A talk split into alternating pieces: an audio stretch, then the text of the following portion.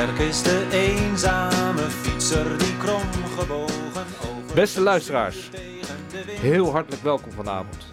Want ik heb een hele bijzondere gast vanavond aan tafel. Een hele snelle dame. Zo snel dat zij één bronzen, één zilveren en vier gouden Ze is maar liefst zes keer wereldkampioen, 24 keer Nederlands kampioen en maar liefst zes keer gekozen tot sportvrouw van het jaar in Nederland. Jaar na jaar sleepte ze al fietsend prachtige prijzen in de wacht. Ze is dan ook officieel benoemd tot Nederlands beste wielrenster ooit. Een vrouw die we allemaal kennen als goedslags, toegankelijk en gezellig, maar ook o zo bloedfanatiek. Toch ging haar pad niet altijd over rozen. Er waren steile beklimmingen, maar ook zeer diepe afdalingen. Haar ups en downs heeft ze opgeschreven in een aangrijpend boek getiteld De Rit van Mijn Leven. Alweer bijna zeven jaar geleden heeft ze ook haar eigen stichting opgezet om andere mensen te helpen. Hierover en over de muziek die haar op haar koers begeleidde, gaan we het vanavond uitgebreid hebben.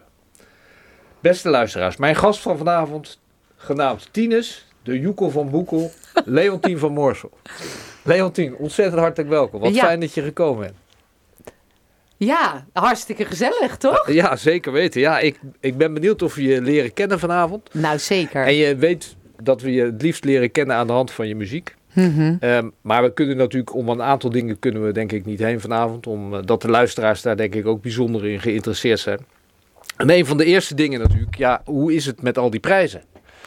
Hoe is het met al die prijzen? Ja, ik zeg altijd, die prijzen zitten in mijn hart. En ehm, als je bij mij thuis binnenkomt, dan de Jaap Ede zie je wel staan. Ehm, maar de gouden plakken en zo, die liggen ergens in een kast. En wat natuurlijk honderd keer al aan je gevraagd is, wat was je mooiste rit? Mijn mooiste rit, ja, dat is toch. ehm, heel veel mensen begrijpen dat niet. Want als ze aan mijn carrière, dan denken ze van ja, Olympisch goud, dat is het hoogst haalbare in de wielersport. Maar mijn mooiste overwinning is toch ehm, terugkomen aan de wereldtop met een gezond lichaam en een gezonde Hmm. geest. En dat was het wereldkampioenschappen in 1998 in, eh, in Valkenburg. In eigen land wereldkampioen worden na zo'n zware periode. Ja, daar kan geen één gouden plak tegenop. Nee, ik kan me goed voorstellen. We komen daar straks ook nog even op terug. Want ik heb natuurlijk toch het een en ander voorbereid. En ik zag dat eigenlijk je eerste echte grote overwinning al in 1991 was. Dat is al 31 jaar geleden. Moet je dit nu echt zo benadrukken? Nee, maar ik vond het toch wel een hele tijd geleden. En ik heb het gevoel dat dat ja, iedereen en zeker ook de luisteraars nog heel erg dichtbij staat. Ja, weet je, als ik nu terugdenk aan, eh, aan dat moment, ja, dan voel ik weer de pijn. Zeg Ja, ja, maar. ja, ik kan me. Want dat was voor de, voor de luisteraars, dat was in Stuttgart, hè? Dat was je eerste wereldtitel, toch? Nou, dat was de eerste wereldtitel op de weg. Op de weg, Daarvoor had ik al twee wereldtitels behaald. Op de ploegentijdrit en de drie kilometer achtervolging, het jaar daarvoor. Maar ja, voor de eerste keer wereldkampioen worden op de weg, dat was natuurlijk wel... ehm, ja, ik kwam solo aan. Ik heb heel lang heb ik alleen vooruit gereden tijdens dat eh, wereldkampioenschappen. En ehm, ja, dat is natuurlijk waanzinnig. Hm. En weet je toevallig nog eh, wie de winnaar was in de 91 bij de mannen? Nee, Dat En weet ik je zal, niet. Nee, dat is heel erg. Maar ik zal je zeggen, op het moment dat je eh, bezig bent met eh, je eigen wielercarrière, Mhm. dan ben je puur bezig. Dan weet je echt niet wat in de rest van de wereld. Nee, maar daarom vraag ik het natuurlijk om, om, om erachter te komen hoe de relatie is tussen dameswielrennen en het mannenwielrennen, het herenwielrennen, zeg maar. Nou, ik moet wel zeggen dat ik in, in Stuttgart heb ik wel met eh, de mannelijke Nederlandse collega's meegetraind in voorbereiding op, eh, op dat wereldkampioenschappen. En toen voelde ik ook dat ik er heel goed voor stond, omdat die mannen kregen mij bergop niet gelost. Dus toen dacht ik van nou, ik ben echt in mega goede doen. Dus dat ben ik niet vergeten. Dus je maar, weet wie de tweede werd nou, dat, zal in dan, 91. dat zal dan een Nederlander zijn. Als jij Ja, dat, dat, als klopt. Daar jij mee getraind dan. ja, als jij dat nu zo zegt, dan is dat een Nederland. Nou, kom maar op met die namen. Steven Rooks. Oh, kijk eens En aan. Gianni Bugno won eh, het wereldkampioenschap. toen. Ja. Nou, dat was wel ook. Het was echt een heel pittig parcours in Stuttgart. Het was echt gewoon. Het was een volgens mij een omloop van 12 kilometer. Waar je bijna 6 kilometer bergop reed. En, en heel veel dalen. En dan ging je hup weer die klim op. Het was echt. eh, het was een pittig, eh, pittig klimmetje. Kan je al die kampioenschappen, al die wegraces, kan je die allemaal nog terughalen? Nee, maar dit zijn natuurlijk, weet je, Stuttgart, dat rondje kan je uittekenen, omdat je daar zo lang alleen voorop hebt gereden. En eh, de kampioenschappen waar je succesvol bent geweest, ja, dat heb je opgeslagen. Ja. En eh, wat mij ook ontzettend boeit, eh, je hebt altijd het gevoel dat het een heel team is, hè, wat, wat, wat, wat, wat zeg maar zo'n wegwedstrijd ingaat. Maar uiteindelijk is er toch één individu die naar voren iedere keer geschoven wordt. En, en hoe, hoe, hoe benader jij zo'n team? Hoe vind je zo'n... Nou, weet je, ik heb heel lang gedacht ook van wielrennen is een individuele sport. Maar als je een wegwedstrijd rijdt, dan is wielrennen natuurlijk helemaal geen individuele sport. En eigenlijk gaat het veel verder dan alleen de wielrenners. Want eh, als een mechanicien een steek laat vallen eh, in de voorbereiding met jouw fiets, eh, je, met aan jouw fiets te sleutelen, dan word jij nooit geen wereldkampioen. Dus die schakel is ook gewoon heel erg belangrijk. En ook een soigneur, een masseur is mega belangrijk. Eh, ik heb heel veel etappekoersen gereden. En in een etappekoers, daar heb je tijdens een Tour de France, je hebt goede dagen, maar je hebt eigenlijk veel meer slechte dagen. En dan is een soigneur belangrijk om de verzuring uit je benen te halen. Maar ook voor dat luisterende oor s'avonds op die massagetafel. Ehm, dus ik ben er wel achter gekomen gedurende eh, al die jaren dat ik op de fiets heb gezeten. Dat een wielerteam, ieder schakeltje moet gewoon kloppen. En dan ga je koersen. En eh, weet je, als ik mijn rechter en mijn linkerhand niet had gehad, die mij heel de dag uit de wind houden. En op het moment dat het gaat regenen, dat ze mijn regenjack gaan halen, de bidons gaan halen, de sprint aantrekken, zorgen dat ik rustig blijf. Eh, dus wielrennen, een, een wegwedstrijd is zeker eh, je, eh, geen En individuele. die ploeggenoten van toen, van de afgelopen jaren, waar je mee opgetrokken bent, heb je daar nog contact mee? Of hoe... Ja, ja, ik heb je, hoe heet het, Danielle Overgaag, Danielle Oerlemans is dat tegenwoordig. Daar heb ik nog, ja, daar heb ik nog heel veel contact mee. Dat is echt, dat is al ja, 30 jaar een maatje en dat blijft ook altijd. eh, dat blijft, ze woont op dit moment woont ze in, in Amerika, maar we hebben elkaar nog heel vaak aan de telefoon. En eh, ja, dat is een band voor altijd. Ja, Ja, je, hebt, je vertelt zelf al, de ervaring is ontzettend belangrijk, denk ik, ook in het wielrennen, toch? Ja. Maar je hebt nooit de behoefte gehad om daar echt iets mee te gaan doen. Je bent nooit ploegleider geworden of... Nou, ik heb wel eh, gelijk na mijn eh wielercarrière wel mensen getraind. Maar dan moet ik zeggen, daar ben ik te snel mee begonnen. Want ik dacht, ik heb daar ook fouten in gemaakt. Want ik dacht toen ik stopte met wielrennen, iedereen is op dezelfde manier belastbaar. Maar ieder lichaam is natuurlijk anders.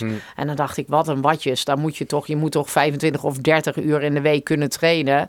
Maar ja, als jij een iets minder sterk lichaam van huis uit mee, mee hebt gekregen, dan presteer Ja. jij veel beter met minder trainingsarbeid en meer rust. Dus daar heb ik me wel echt in verkeken. En als ik dan in de auto zat en, en ze maakten in de finale maakten ze een fout of ze maakten een verkeerde beslissing, ja, dan was ik nog zo fanatiek en zo fel. Dan dacht ik van, nou, ik rijd dat peloton in en ik pak zelf die fiets en ik rij zelf wel even die finale. Dus eh, je, ehm, nee, weet je. En daarna heb ik ook gezegd van, eh, ik heb andere kwaliteiten. Het is helemaal prima zo. ik ben nu wel, eh, ik, zit, ik ben nog wel in het wielrennen betrokken. Want ik ben nog wel eh, koersdirectrice eh, van de vrouwen in de Amstel Gold Race. Oh ja, ja. En dat vind ik ook heel erg leuk om te doen. We hebben ook samen met Amstel dit jaar ervoor gezorgd dat het prijsgeld, dat dat vanaf dit jaar gewoon gelijkwaardig is. Dus je, ehm, ja, dat, daar ben ik natuurlijk super trots op. En het is natuurlijk leuk om, dat, om dit terug te doen voor de generatie van nu. Zeker. Eh Leontien, wat betekent muziek in die tijd? Muziek, ehm, ja, sommige nummers hebben mij echt wel geïnspireerd, zeg maar, op weg naar wereldtitels en Olympische titels. En eh, ja, misschien gaan er heel veel mensen nu heel hard lachen, maar Vroger heeft mij, de teksten van Vroger hebben mij echt geïnspireerd. En vooral This is the Moment, dat is een nummer. Eh, dat draaide ik heel vaak op weg. Gewoon eh, voor een drie kilometer achtervolging voor een finale. Dan draaide ik dat nummer. Weet je, dit is het moment. Je moet nu sterk zijn. Nu moet het gebeuren. Ja, en ik kreeg daar extra moraal door. Dus ik ben Vroger heel erg dankbaar voor. geweldig, eh, geweldig. ja. We, gaan, we gaan naar het nummer luisteren. Lieve mensen, goedenavond allemaal. Dank dat u aanwezig wil zijn bij het mooiste moment uit mijn leven. This is the moment. This is the day.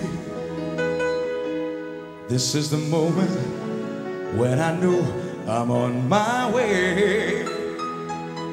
Every endeavor I have made ever is coming into play. It's here and now, today. This is the moment. This is the time when the momentum and the moment are in right. Give me this moment, this momentous moment. I'll gather up my past and make some sense at last.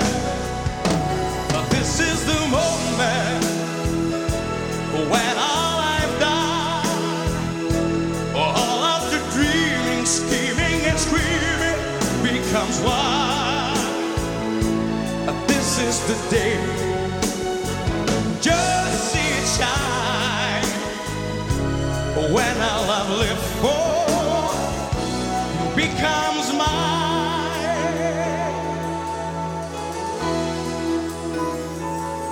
This is the moment. This is the hour when I can open like a flower. And with my hand to everything I plan to fulfill my grand design. See all my stars align. This is the moment, my final turn. Destiny second best. I won't look down. I must not fall. This is the moment, the greatest moment.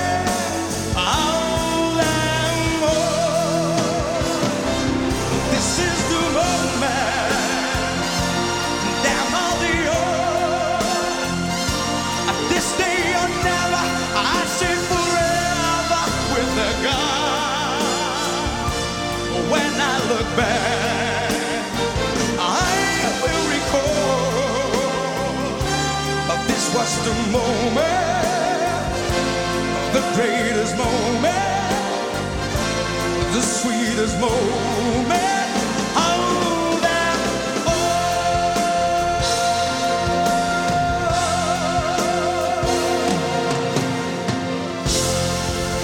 Prachtig nummer. René Vroger, uitgekozen door mijn gast van vanavond, Leontien van Moorsel. Leontien, dit nummer zette je dus op voordat je grote koers... eh, Ja, ja, ja, ik heb echt eh, heel veel voorbereidingen op weg naar wereldtitels en Olympische titels. Ja. Dan draaide ik dit nummer.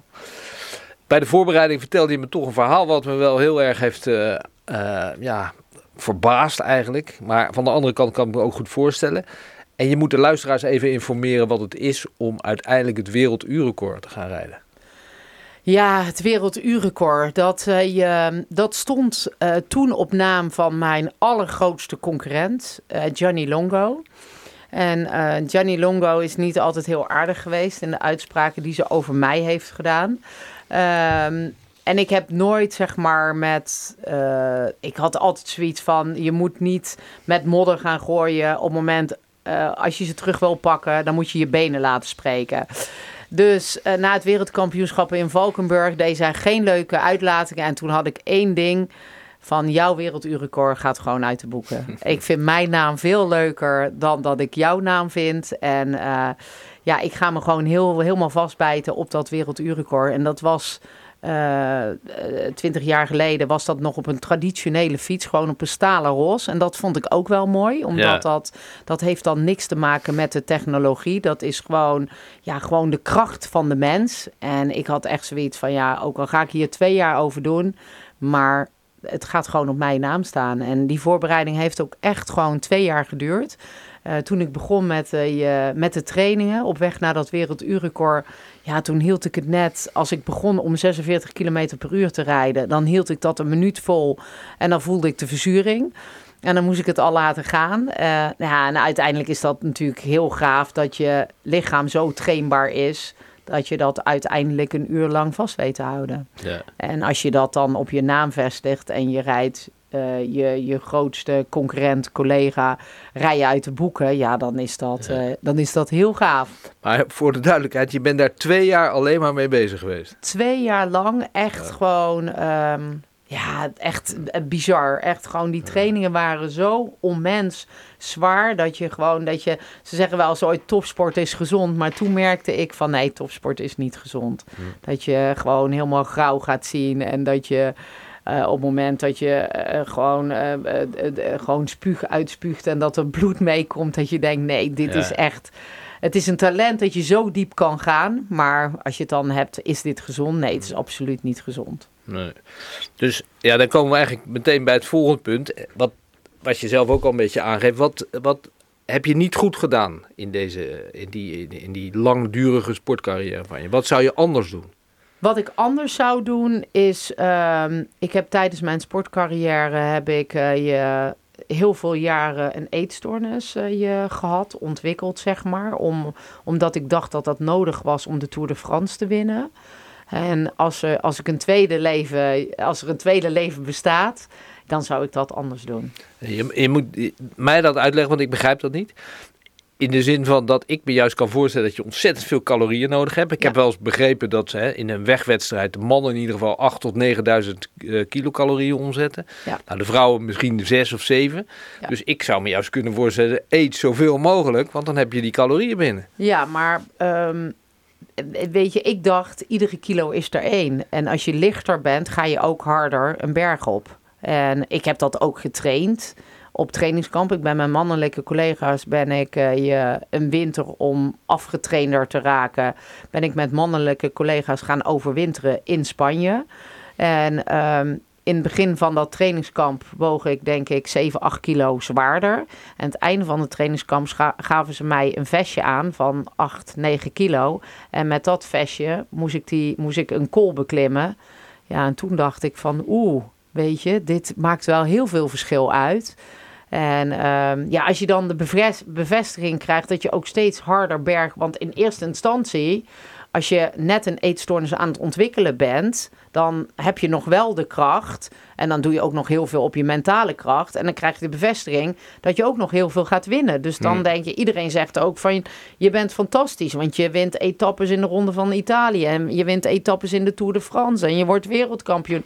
Dus je krijgt alleen maar schouderklopjes. Terwijl dat je zelf van binnen weet van ja, maar ik ben niet goed bezig. Mhm. Want wat jij zegt, ik verbruik iedere dag uh, tussen de 5 en 7000 kilocalorieën. En ik at er, um, ja, ik denk dat ik er 500 per dag at.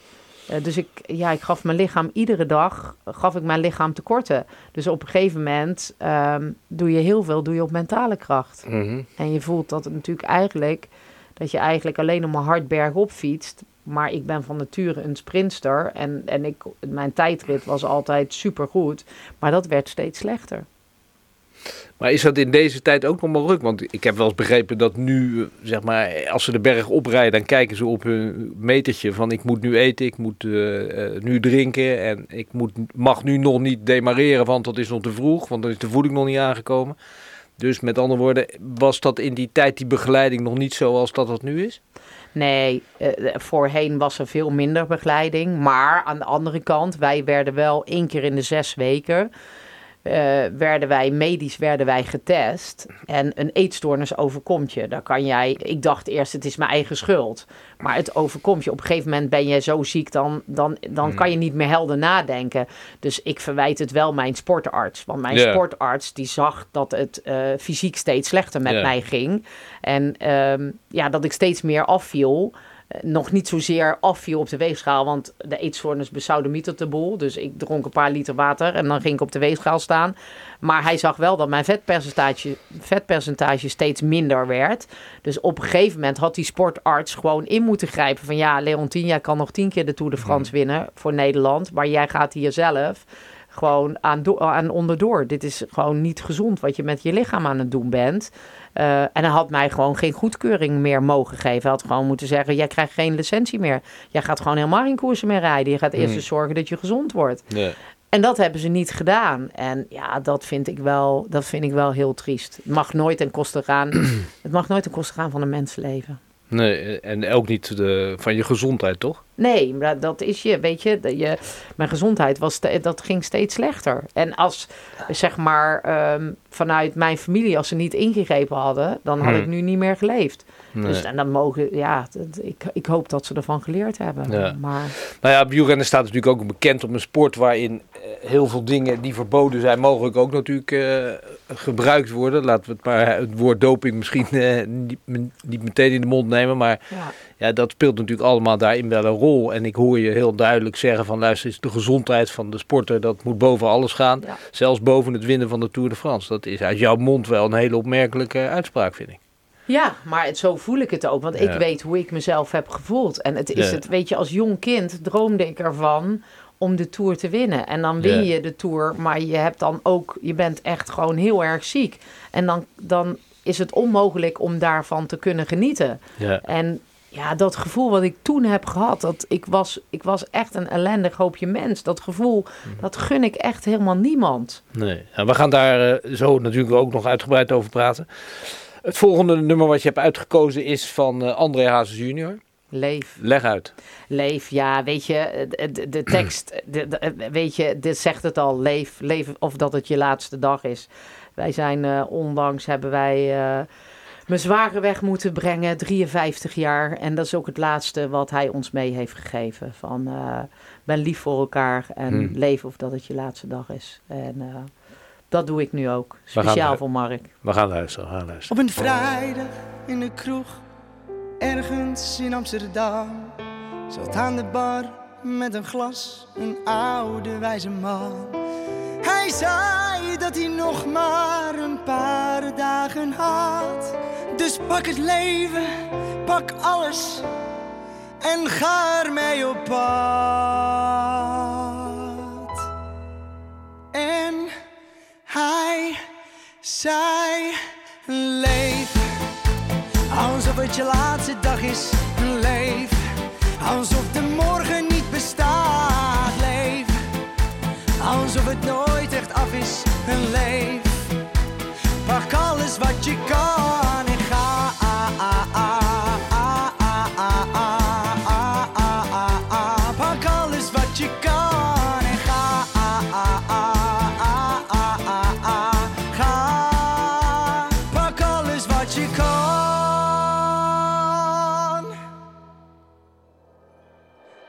vertelde dat hij zich had gewerkt in het zweet.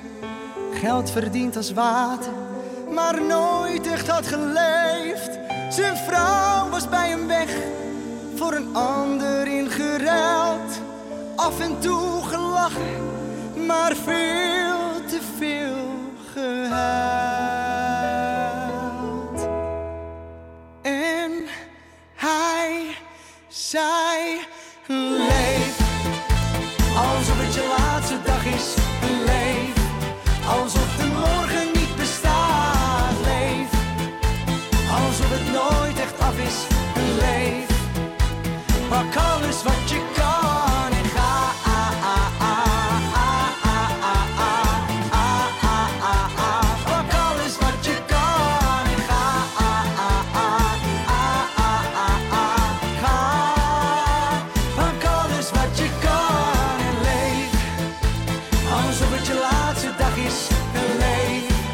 Alsof de morgen niet bestaat. Leef. Alsof het nooit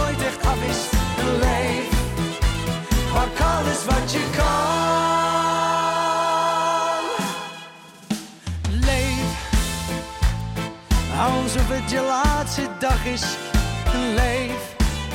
Alsof de morgen niet bestaat, leef.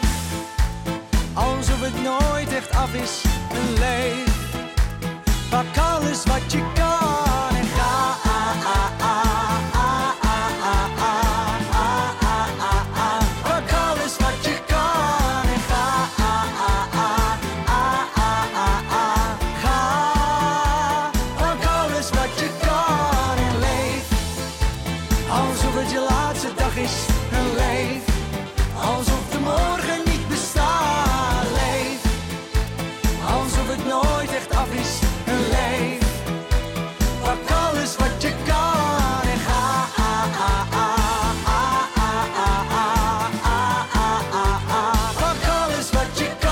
André Hazes junior met Leef. Gekozen door mijn gast van vanavond, Leontien van Moorsel.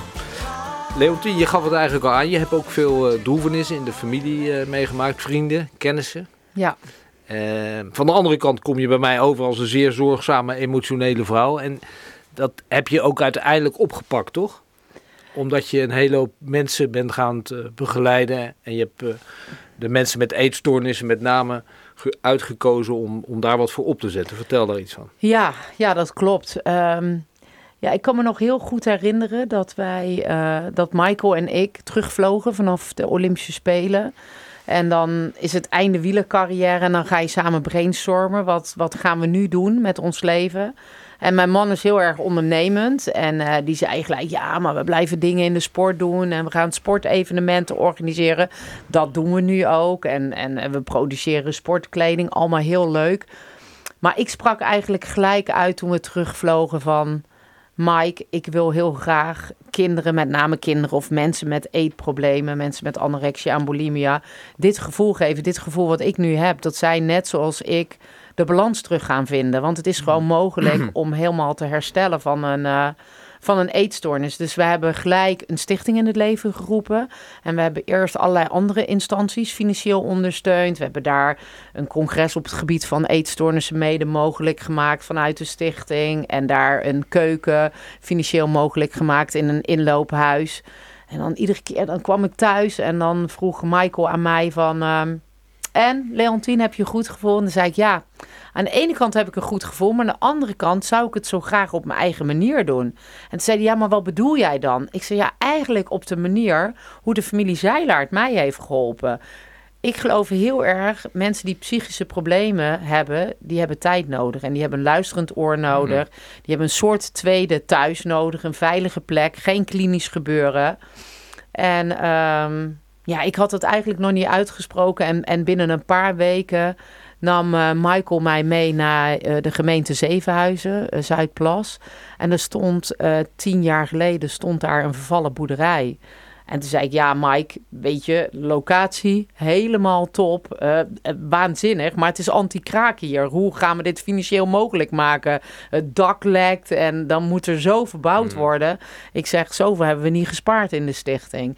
Nou, we hebben heel veel bouwgerelateerde bedrijven gevonden die ons uh, je, hebben ondersteund in ruil voor een fietskliniek, in ruil voor een presentatie.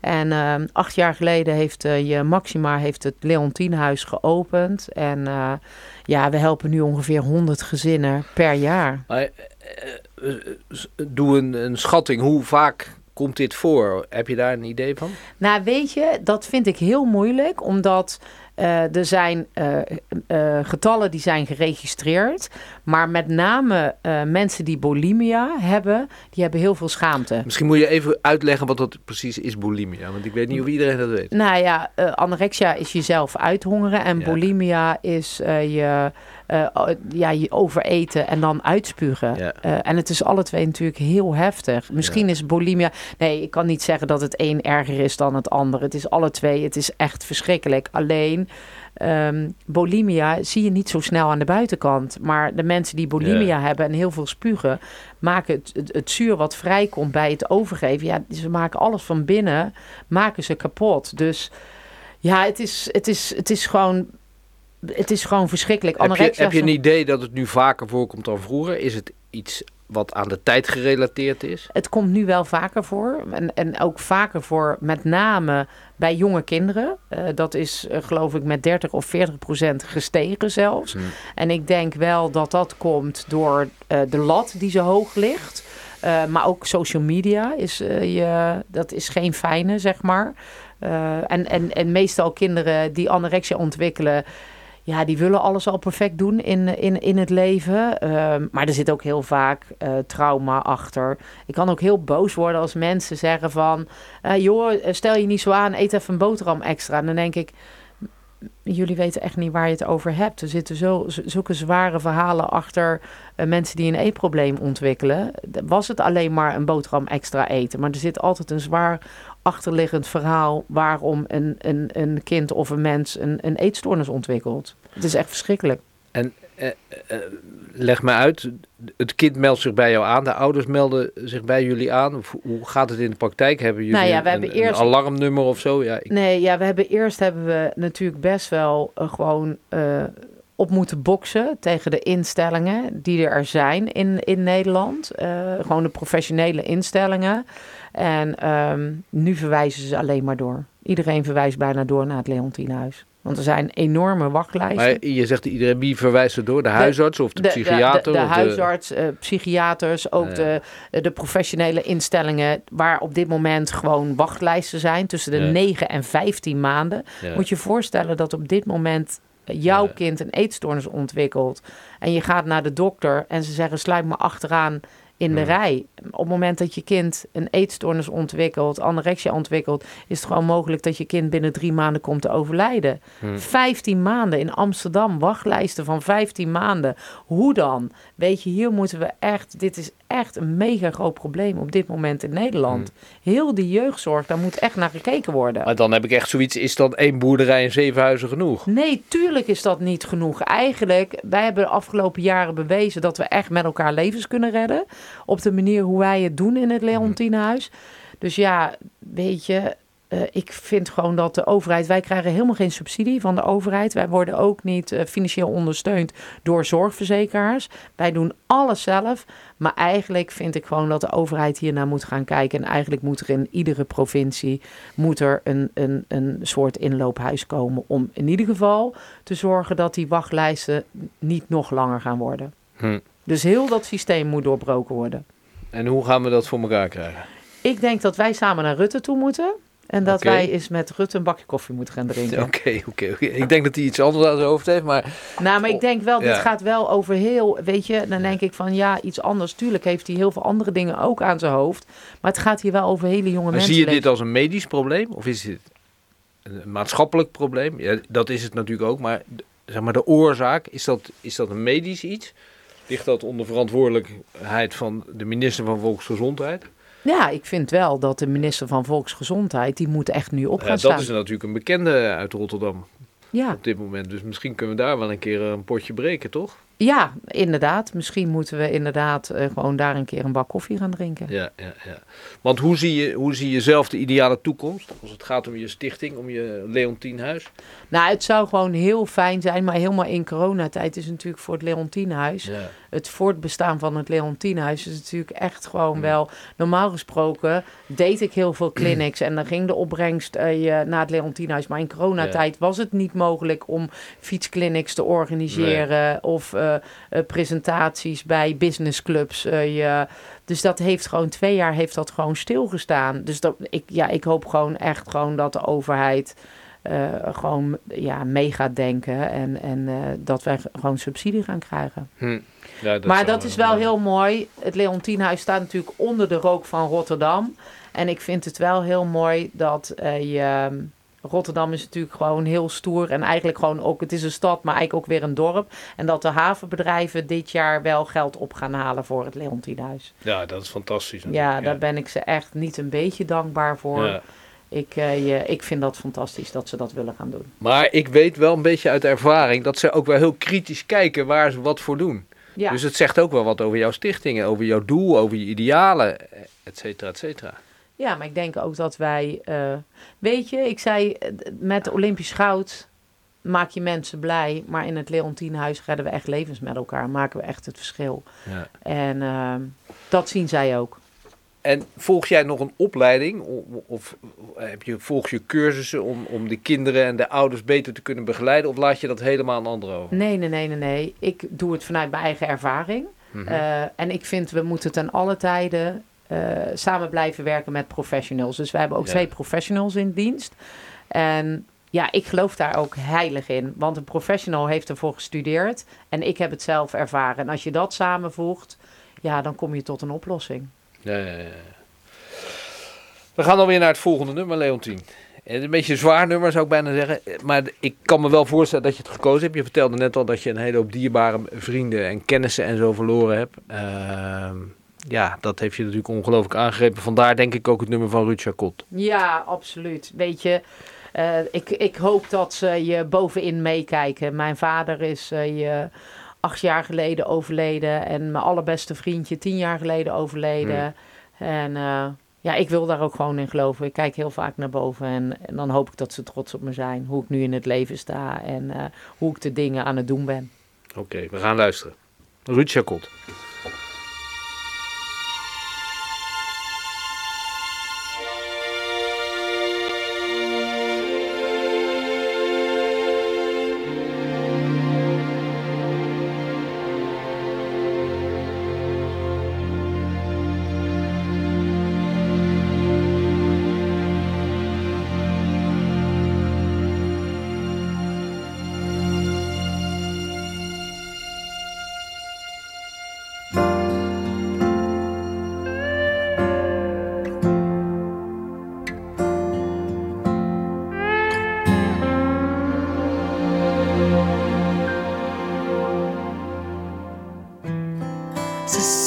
Op haar geknield voor het bed. En bundelt haar vragen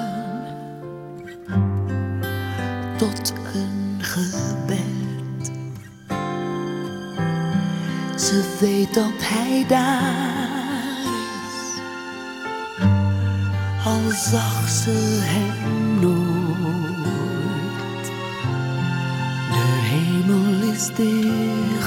back.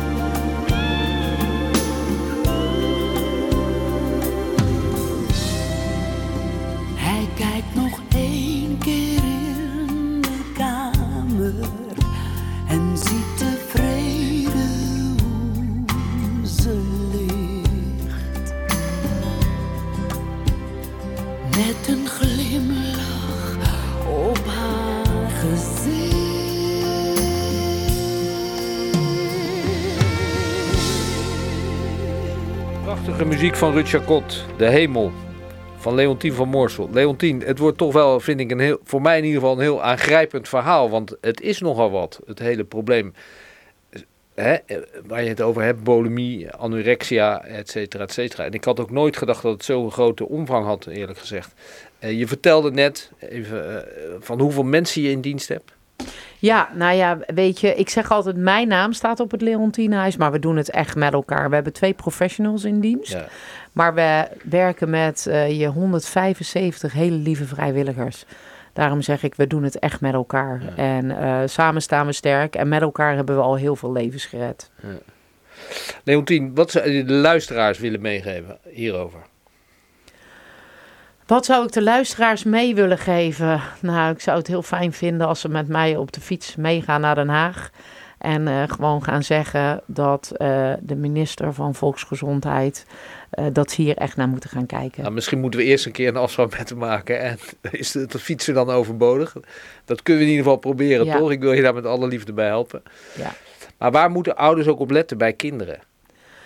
Waar moeten ouders op letten? Ja, wat een hele belangrijke is eh, en wat heel veel ouders ehm, in, in eerste instantie verkeerd aanpakken. Wij zeggen altijd eh, consequent naar de eetstoornis toe en liefdevol naar het kind. Dat is heel, heel, heel, heel erg belangrijk. Van Ja. ik hou van jou, maar ik hou niet van die eetstoornis. En op het moment, een kind heeft gewoon eten nodig. Want als je niet meer eet, ja. Ja. uiteindelijk komt het kind dan te overlijden. En je hebt heel veel geduld nodig. En je moet het echt met elkaar doen. Het is echt gewoon teamwork. En je moet echt elkaar ook aflossen en, en ook zorgen. Want zo'n zo'n traject kan gewoon ja, tussen de vier en acht jaar duren. Hm. Dus dan moet jij als gezin en ook als partners... moet je zo ongelooflijk sterk zijn. En moet je jezelf als ouder ook heel goed blijven verzorgen... zodat je je kind ook kan blijven verzorgen. Ja. Want je gaat Want, want over welke leeftijd hebben we het? Ja, we, we hebben eh, kinderen van 10 jaar in het Leontienhuis. En eh, we hebben ze van eh 16 en we hebben ze van 25. Maar we hebben ze ook van 40 Ja, ja, ja. en ook van 50. ook. Ja, Die ook. leeftijd komt ook nog voor. Komt ook voor. Of mensen die het in de jeugdjaren hebben gehad. En, en door weer een, een nare ervaring... dat ze toch de eetstoornis weer nodig hebben... om het uiteindelijk een plekje te geven. Maar ja, ik zeg altijd... je lost het probleem niet op. Weet je, ik had ook mezelf weer kunnen verschuilen... toen ik mijn vader verloor achter de eetstoornis. Maar ik krijg mijn vader er nooit mee terug. Nee. Dus zorg dat je leert om anders met je emoties om te gaan. Hm. Ik denk dat dat een hele belangrijke is. Ja, het is eh, nogmaals echt een indringend verhaal, vind ik. Ik kan me ook voorstellen dat, dat, je, dat je een soort motto hebt waar je eh, op terug wil kijken later. En waar zou je zelf eh, trots op zijn? Ik zou heel trots zijn als het Leontienhuis kan blijven bestaan. En ik zou nog trotser zijn als we het met elkaar, voor elkaar krijgen... dat we in iedere provincie een Leontienhuis kunnen gaan openen. En dat is allemaal veel en veel belangrijker dan het wielrennen. Want ik zou daar toch ook nog wel een beetje trots op zijn. Nee, daar ben ik. Nee, maar nogmaals, ik vind het ook niet met elkaar te vergelijken. Nee. Nogmaals, met ehm, presteren op een fiets en wereldtitels en Olympische titels Ja. maak je mensen blij. Maar hier red je mensenlevens. Jij weet hoe dat voelt. Ja. En maak je echt het verschil. En, en ja, dat maakt me echt. Ik zeg, het, ik zeg niet heel vaak het woord trots. Ik ben trots op mijn zusje. Mijn zusje na al die ellende dat ze recht overeind blijft staan. Maar ik vind ook dat we heel trots kunnen zijn wat we afgelopen jaren met elkaar hebben bereikt. In het Maar ik denk dat wij als Rotterdammers ook wel trots op jou mogen zijn. Dat je, wat je allemaal ge- gepresteerd hebt, maar dat je je zo voor dit maatschappelijk eh, zo belangrijke probleem inzet. Ik denk dat dat echt, en, en nogmaals, ik denk dat er heel veel luisteraars eh, nu zitten te popelen om, om je te helpen. Ja. Nou, weet je, ga naar de site van het Leontienhuis en wil je iets doen? We hebben in september nog een wandel- en fietstocht. En eh, ook al, ik zeg altijd, alle kleine beetjes helpen. Maar geweldig, Leontien. Ik dank je ontzettend voor dit, ja, voor mij in ieder geval heel emotionele gesprek vanavond. Ja. En eh, ik wens je ontzettend veel succes. Ja, En we zien elkaar in ieder geval op de havengala. Ja, zeker. Heel En- gezellig. En we sluiten af met een heel mooi nummer. Ja, heel toepasselijk. En de, de luisteraars kunnen het zelf invullen. Dankjewel, Leontien. Ja, graag gedaan. Abba.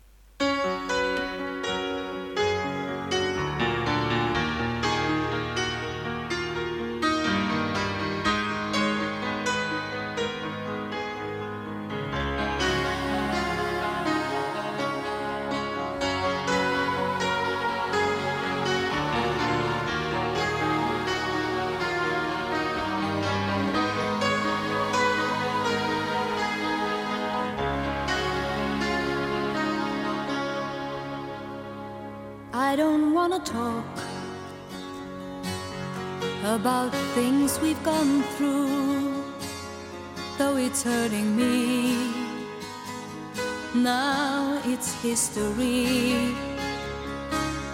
I played all my cards, and that's what you've done too. Nothing more to say, no more ace to play. The winner takes it all. The loser standing small beside the victor.